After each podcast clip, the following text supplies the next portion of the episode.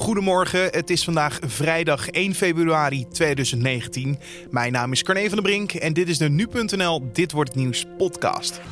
Het eindrapport van het onderzoek naar Russische inmenging in de Amerikaanse politiek, het Rusland-onderzoek, lijkt bijna afgerond te zijn.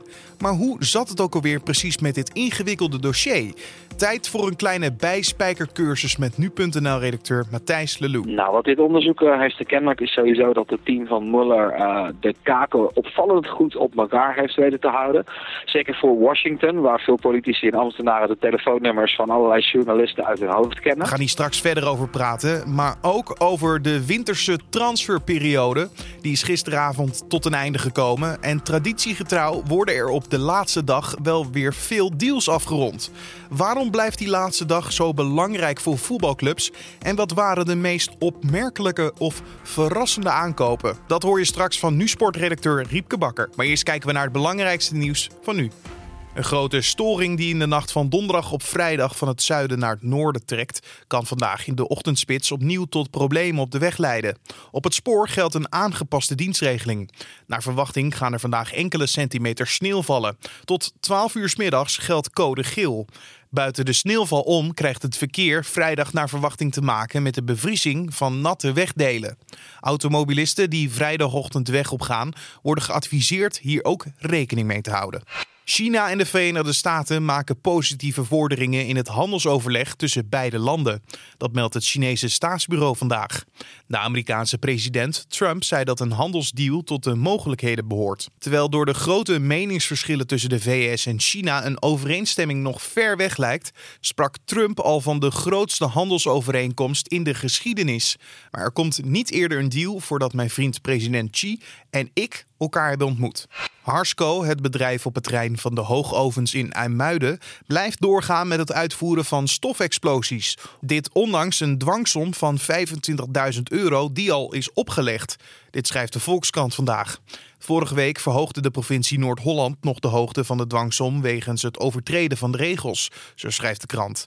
Dorpen om IJmuiden heen worden regelmatig onder een laagje stof bedekt. Dat mag niet volgens de vergunning. Het stof dat vrijkomt door de verwerking van restproducten mag niet verder dan 2 meter komen. De katholieke kerk in het Amerikaanse Texas heeft donderdag de namen van bijna 300 geestelijken die worden beschuldigd van kindermisbruik openbaar gemaakt.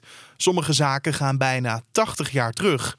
Volgens kardinaal Daniel DiNardo was het publiceren van de namen het enige juiste om te doen, zo schrijft de New York Times. Het besluit van Texas volgt op het rapport over Pennsylvania, waar vorig jaar uit een vernietigend rapport bleek dat daar ook geestelijken zich schuldig hebben gemaakt aan kindermisbruik. Zeker duizend mensen zijn in de loop van decennia slachtoffer geworden van het wangedrag van zo'n 300 priesters en andere geestelijken. Veel van die feiten zijn al verjaard. Het winterweer met temperaturen tot wel min 49 graden Celsius heeft in het midwesten van de Verenigde Staten tenminste 21 doden geëist. Er wordt gewaarschuwd voor het risico op bevriezingsverschijnselen. Volgens een dokter van een ziekenhuis in Chicago werden er naast de negen doden van donderdag nog 25 mensen binnengebracht met bevriezingsverschijnselen. In het ergste geval moeten hun vingers en tenen worden geamputeerd. De extreem lage temperaturen worden veroorzaakt door onverwachte stromingen uit de poolgebieden en is gevaarlijk voor kwetsbare groepen zoals daklozen en oudere mensen. Chicago en andere steden bieden extra opvanglocaties aan, maar veel mensen blijven toch buiten. En dan kijken we naar de dag van vandaag, oftewel dit wordt het nieuws. Het eindrapport van het onderzoek naar Russische inmenging in de Amerikaanse politiek, het Rusland-onderzoek, lijkt bijna afgerond te zijn. Maar hoe zat het ook alweer precies met dit ingewikkelde dossier? Tijd voor een kleine bijspijkercursus met nu.nl-redacteur Matthijs Lelou. Want Matthijs, ik hoor overal en ik lees ook overal dat het Rusland-onderzoek in een afrondingsfase zit. Maar is dat wel zo? Nou, dat is zo volgens plaatsvervangend minister van Justitie uh, Matt Whitaker. Dat is een, een, door Trump benoemde vervanger voor uh, de vorige minister van uh, Justitie, Jeff Sessions. momenteel wordt William Barr, die ook onder George Bush senior minister van Justitie is geweest, die wordt nu door Trump aangedragen als permanente vervanging van Sessions. Maar die moet eerst nog even worden goedgekeurd door de Amerikaanse Senaat. Dus tot die tijd uh, staat Whittaker aan het hoofd van dat ministerie. En Whittaker die heeft op een persconferentie gezegd van de week dat uh, Mueller bezig is met het afronden van zijn Rusland-onderzoek. Mhm. Misschien om even goed mee te beginnen, even kijken naar waar dat Rusland-onderzoek nou op dit moment allemaal over gaat. Wat zijn de belangrijkste aspecten van dit onderzoek? Nou, wat dit onderzoek uh, heeft kenmerk is sowieso dat het team van Muller uh, de kaken opvallend goed op elkaar heeft weten te houden. Zeker voor Washington, waar veel politici en ambtenaren de telefoonnummers van allerlei journalisten uit hun hoofd kennen. Nou, het uh, team van Muller dat is aardig lekvrij gebleven. Dus informatie over waar zij mee bezig zijn geweest, komt eigenlijk uit twee verschillende soorten bronnen. Ten eerste zijn er de, de lastenleggingen, dat zijn rechtbankdocumenten waarin de aanklachten tegen iemand uiteen worden gezet. Dat zijn gewoon openbare documenten in de meeste gevallen. Dus uit de, de rechtbankdocumenten die Muller tot nu toe heeft ingediend, valt al het een en ander af te lezen over waar hij mee bezig is geweest. Ten tweede, een, een andere bron van informatie uh, zijn uh, uh, ja, eigenlijk de, stappen die anderen hebben genomen om voor te borduren op de bevindingen van Muller. Dat gaat bijvoorbeeld om het zuidelijk district van New York, de openbaar aanklagers in het zuidelijk district van New York. Die zijn gespecialiseerd in allerlei corruptie- en fraudezaken. De Wall Street valt onder andere onder hun bevoegdheid. Dus die hebben verschillende aspecten van, van het onderzoek van Muller hebben ze overgenomen. En ook daaruit, uit, uit de mensen die daar in staat van beschuldiging zijn gesteld, kunnen we een beetje zien uh, welke uh, kanten dat onderzoek op is gegaan. Nou, ik zal een aantal van die, de belangrijkste richtingen zal ik opnoemen. Nou, ten eerste is Muller natuurlijk aangesteld om mogelijke Russische inmenging in de verkiezingen in de Verenigde Staten in 2016, die Donald Trump in het zadel bracht als president, om daar naar te kijken. Dat is zijn hoofdopdracht. Ja, er zitten een aantal verschillende aspecten aan. Ten eerste uh, zijn er bijvoorbeeld, uh, hij heeft aanklachten ingediend tegen 13 Russische individuen en drie Russische bedrijven. Die zaten achter de Russische trollenboerderij, zoals het wordt genoemd, de Internet Research Agency. Dat was een bedrijf dat online propaganda verspreidde om die Amerikaanse verkiezingen te beïnvloeden. Nou, de 12 van de 13 uh, personen die uh, in staat van beschuldiging zijn gesteld, die werkten voor het bedrijf. En de dertiende is een uh, oligarch met banden met de Russische president Vladimir Poetin. Hij wordt ervan beschuldigd dat hij dat hele zaakje heeft gefinancierd. Nou ja, zo zijn er nog wat meer kanten aan die directe Russische inmenging. Dan eh, is er nog het Wikileaks dossier, ook heel belangrijk. Wikileaks die uh, lekte in aanloop naar de verkiezingen gestolen uh, e-mails van de Democratische Partij. Die uh, volgens Amerikaanse inlichtingendiensten werden gejat door medewerkers van Russische inlichtingendiensten. En het lijkt erop dat personen binnen het campagneteam van Trump mogelijk contacten met Wikileaks hadden over dat lek. Dus zij hadden contacten over gestolen informatie. Dat is mogelijk heel schadelijk. Ja, en, uh, zo zitten er wel meer uh, aspecten aan, uh, aan dit onderzoek. En dan zijn er nog de zaken die eruit voortvloeien. Zo zal iedereen zich herinneren dat Trump ervan wordt beschuldigd, tenminste dat Trump mogelijk betrokken was bij het doen van zwijggeldbetalingen aan twee vrouwen die beweren een affaire met hem hebben, te hebben gehad. Van een, de pornoactrice Stormy Daniels nou ja, het, mogelijk zijn er met die zwijgeldbetalingen uh, bepaalde wetten op de campagnefinanciering uh, overschreden. Dus ook daar wordt naar gekeken. Maar dat is dan weer overgedaan aan die aanklagers in New York waar ik het eerder al aan over had. Maar als het onderzoek nou afgerond is, uh, wat gaat er dan gebeuren met al deze zaken? Nou, in principe is het zo dat zodra Muller zijn eindrapport af heeft, dan stuurt hij dat naar de minister van Justitie. Als dat op korte termijn gebeurt, dan is dat dus waarnemend minister Matt Whitaker.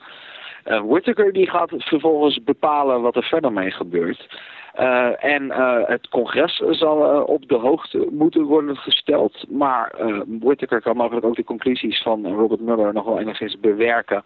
En zo een beetje filteren wat er naar het congres wordt gestuurd.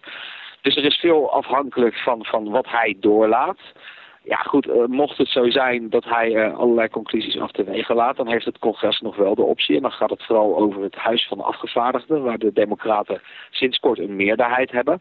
Die kunnen dan zeggen van, nou, we dagvaarden Robert Mueller gewoon, uh, zodat hij onder Ede mag komen getuigen over zijn onderzoek. En ook zo zouden ze dan een beetje linksom, rechtsom bij die conclusies kunnen komen. Dus Eh, er is heel veel afhankelijk van, van uh, hoe, uh, welke keuzes er worden gemaakt over hoe dit wordt gedeeld met het congres en e eventueel met het Amerikaanse publiek. En wat dan de vervolgstappen zijn, ja, dat is dan weer een heel nieuw dossier. Je hoorde nu.nl-redacteur Matthijs Lelou. En Matthijs heeft ook over dit onderwerp een nu weekendstuk geschreven. Zijn stuk kan je vanmiddag en dit weekend lezen op nu.nl en in de nu.nl-app. De transferperiode is gisteravond tot een einde gekomen. En traditiegetrouw worden er op de laatste dag nog wel wat deals afgerond. Maar waarom blijft die laatste dag zo belangrijk voor voetbalclubs? En wat waren de meest opmerkelijke of verrassende aankopen? Dat vroeg ik aan nu-sportredacteur Riepke Bakker. Want Riepke, laten we beginnen bij het begin. Hoe verloopt zo'n deadline day bij nu.nl? Nou, met heel veel uh, Chinees eten. Er was voor, uh, nou, voor meer dan 100 euro Chinees besteld. Ja, we zitten dan als uh, sportredactie. Is een beetje traditie. Hè? Zitten we dan natuurlijk zo'n hele dag bij elkaar. Wat beter bezet dan normaal nog. Omdat we constant op dat live vlog de mensen willen voorzien in wat er speelt. En ook constant met overzichten zo goed mogelijk beeld willen schetsen van wie en wat er verkocht is. Nee, ja, op zich op zo'n winterse transferperiode valt dan altijd wel een beetje tegen qua grote transfers. Dus super, super, super druk hebben we het niet gehad. Maar er is altijd wel genoeg te doen. En uh, nou ja, de, de Babi Pangang uh, was heerlijk, kan ik zeggen. Je moet het natuurlijk wel volgen met een volle maag. Dat is natuurlijk wel belangrijk. Um, het blijft natuurlijk wel een spannend moment, zo'n avond. Uh, het laatste moment dat zo'n transfermarkt kan sluiten. En dat er misschien nog één grote deal aankomt. maar als je kijkt naar de afgelopen paar jaren... maakt zo'n laatste dag van zo'n transfermarkt nog echt verschil? Uh, vaak wel, ja. Ik, uh, ik, we, kunnen, we, kunnen concluderen dat het uh, dit keer niet het geval was. Want nou ja, ik, ik kan wel even wat transfertjes opnoemen. Lukic van Sporting Braga naar FCM op huurbasis. Cachera van Ajax naar Racing Club in Argentinië. Jordi Bruin van Heerenveen naar NEC op huurbasis. Ja, dat waren de, de, de, de transfers dit jaar. We kunnen zeggen dat we geen echt groot vuurwerk hebben gehad. Waarin we, ja, ja, vorig jaar bijvoorbeeld hadden we nog de transfer van Pierre Aumeric Aubameyang. 65 miljoen ging die op deadline day van Borussia Dortmund uh, naar Arsenal. We hebben vorig jaar in de winter hebben Coutinho gehad, 120 miljoen van Liverpool naar Barcelona. Dus het kan wel. Ja. Alleen uh, dit jaar was het niet zo. Ja, en hoe kijk jij naar dit jaar uh, als het gaat om de wintertransfermarkt? deze hele periode. Wat was het voor ja, bizarre prijzenregen? Nou, uh, niet. Ja, je kan zeggen, de, de, de clubs die in paniek zijn en denken, oh jee, we vliegen bijna uit de competitie, die gaan, zijn heel druk aan de slag geweest. Nou, FC Groningen heeft uh, zes spelers opgehaald, Bruns, Sierhuis, Belhassani, Itukara, El Ancuri en Gladon. En dat zijn de clubs, in het verleden deed Roda dat ook, die dan ineens bij zo'n transferperiode nog eens allerlei mensen binnenhalen. Maar de mensen die je nu binnenhaalt halverwege zijn seizoen, ja, dat zijn vaak mensen die, spelers die, die een spatje hebben, die ruzie hebben bij een club of die niet presteren bij een club. Dus je hebt in zo'n winterse transferperiode ook niet vaak ja, een, echt goede speler te pakken, want die laten de, de, die laten de club zeg maar ja, niet gaan zo halverwege het seizoen. Dus je hebt eigenlijk ja, een speler waar vaak wel wat mis mee is. En je moet maar hopen dat het goed uitpakt.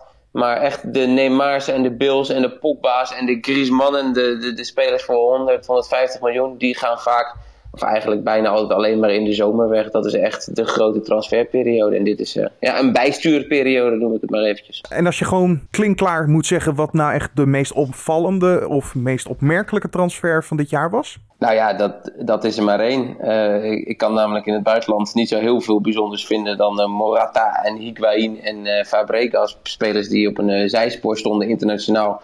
Maar de transfer waar we het met z'n allen over gehad hebben is natuurlijk Frenkie de Jong. Alleen dat is geen wintertransfer, want Frenkie de Jong gaat pas in de zomer naar FC Barcelona. Maar dat is natuurlijk wel 75 miljoen. Ja, dat is de transfer waar we het met z'n allen over gehad hebben. En de transfer die ja, de afgelopen weken het nieuws, uh, nieuws gekleurd heeft. Ja. Mhm. Ik ben nou niet de grootste uh, voetbalkenner. Ik kijk het als er een leuke wedstrijd is. Maar moet zo'n uh, transfer zoals Frenkie de Jong nou echt ook in deze periode worden afgesloten? Of kan dat ook gewoon eigenlijk in de rest van het seizoen? Nee, nee dat... dat, dat ja, in principe als je hem nu na deze winterstop, dus vanaf morgen wil in gaan zetten, dus in de rest van de competitie, dan moet je het uh, nu afronden. Anders kan je hem pas na het seizoen inzetten vanaf volgend seizoen. Dus ja, ze als Barcelona Frenkie de Jong nu nog had willen inzetten, hadden ze meteen moeten overnemen van Ajax. Dat wilde Ajax niet. En hadden ze nu al zeg maar, moeten aftikken voor 1 februari. Hebben ze niet gedaan. Daardoor gaat die transfersom pas, of tenminste gaat die transfer pas na de zomer plaatsvinden.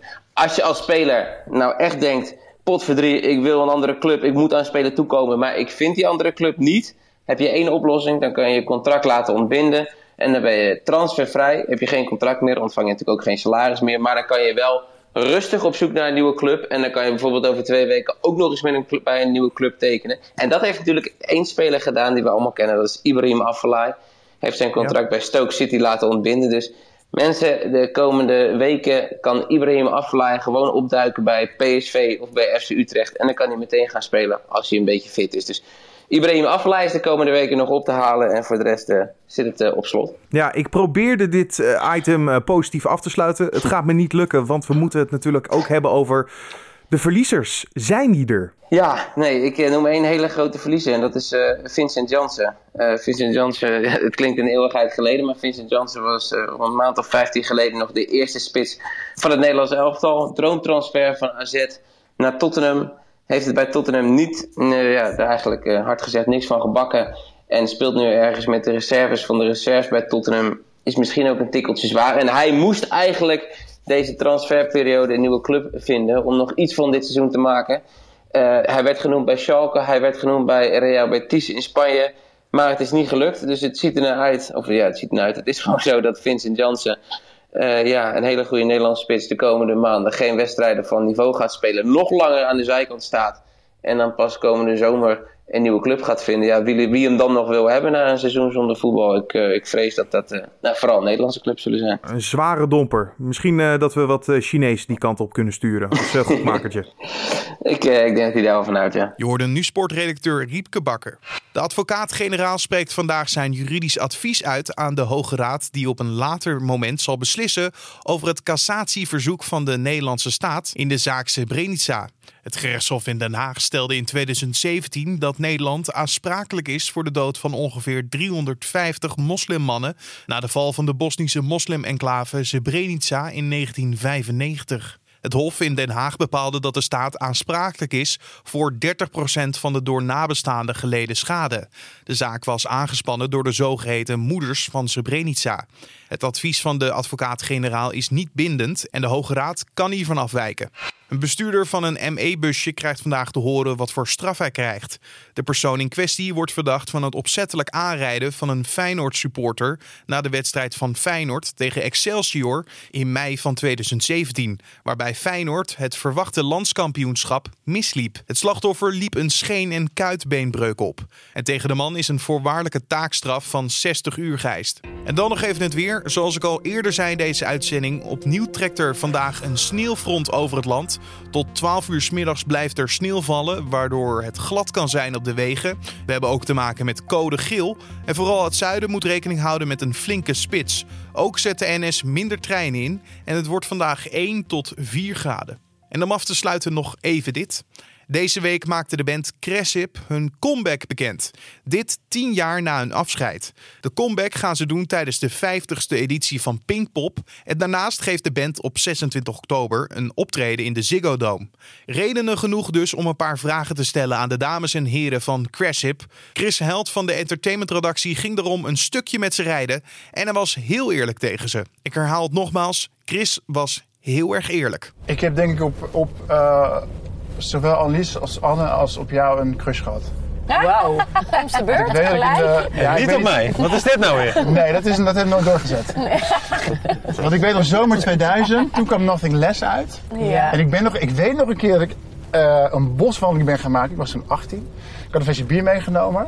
Meer heb je niet nodig. Ja, meer heb je niet nodig dat je 18 Ja, precies. Dan ben je al woezie. En toen heb ik die plaat geluisterd. En, uh, ja. En was dat tijdens het luisteren van de plaat, werd je, was je op drie verschillende verliefd of in periodes? Periodes. Ja, ja, ja, precies.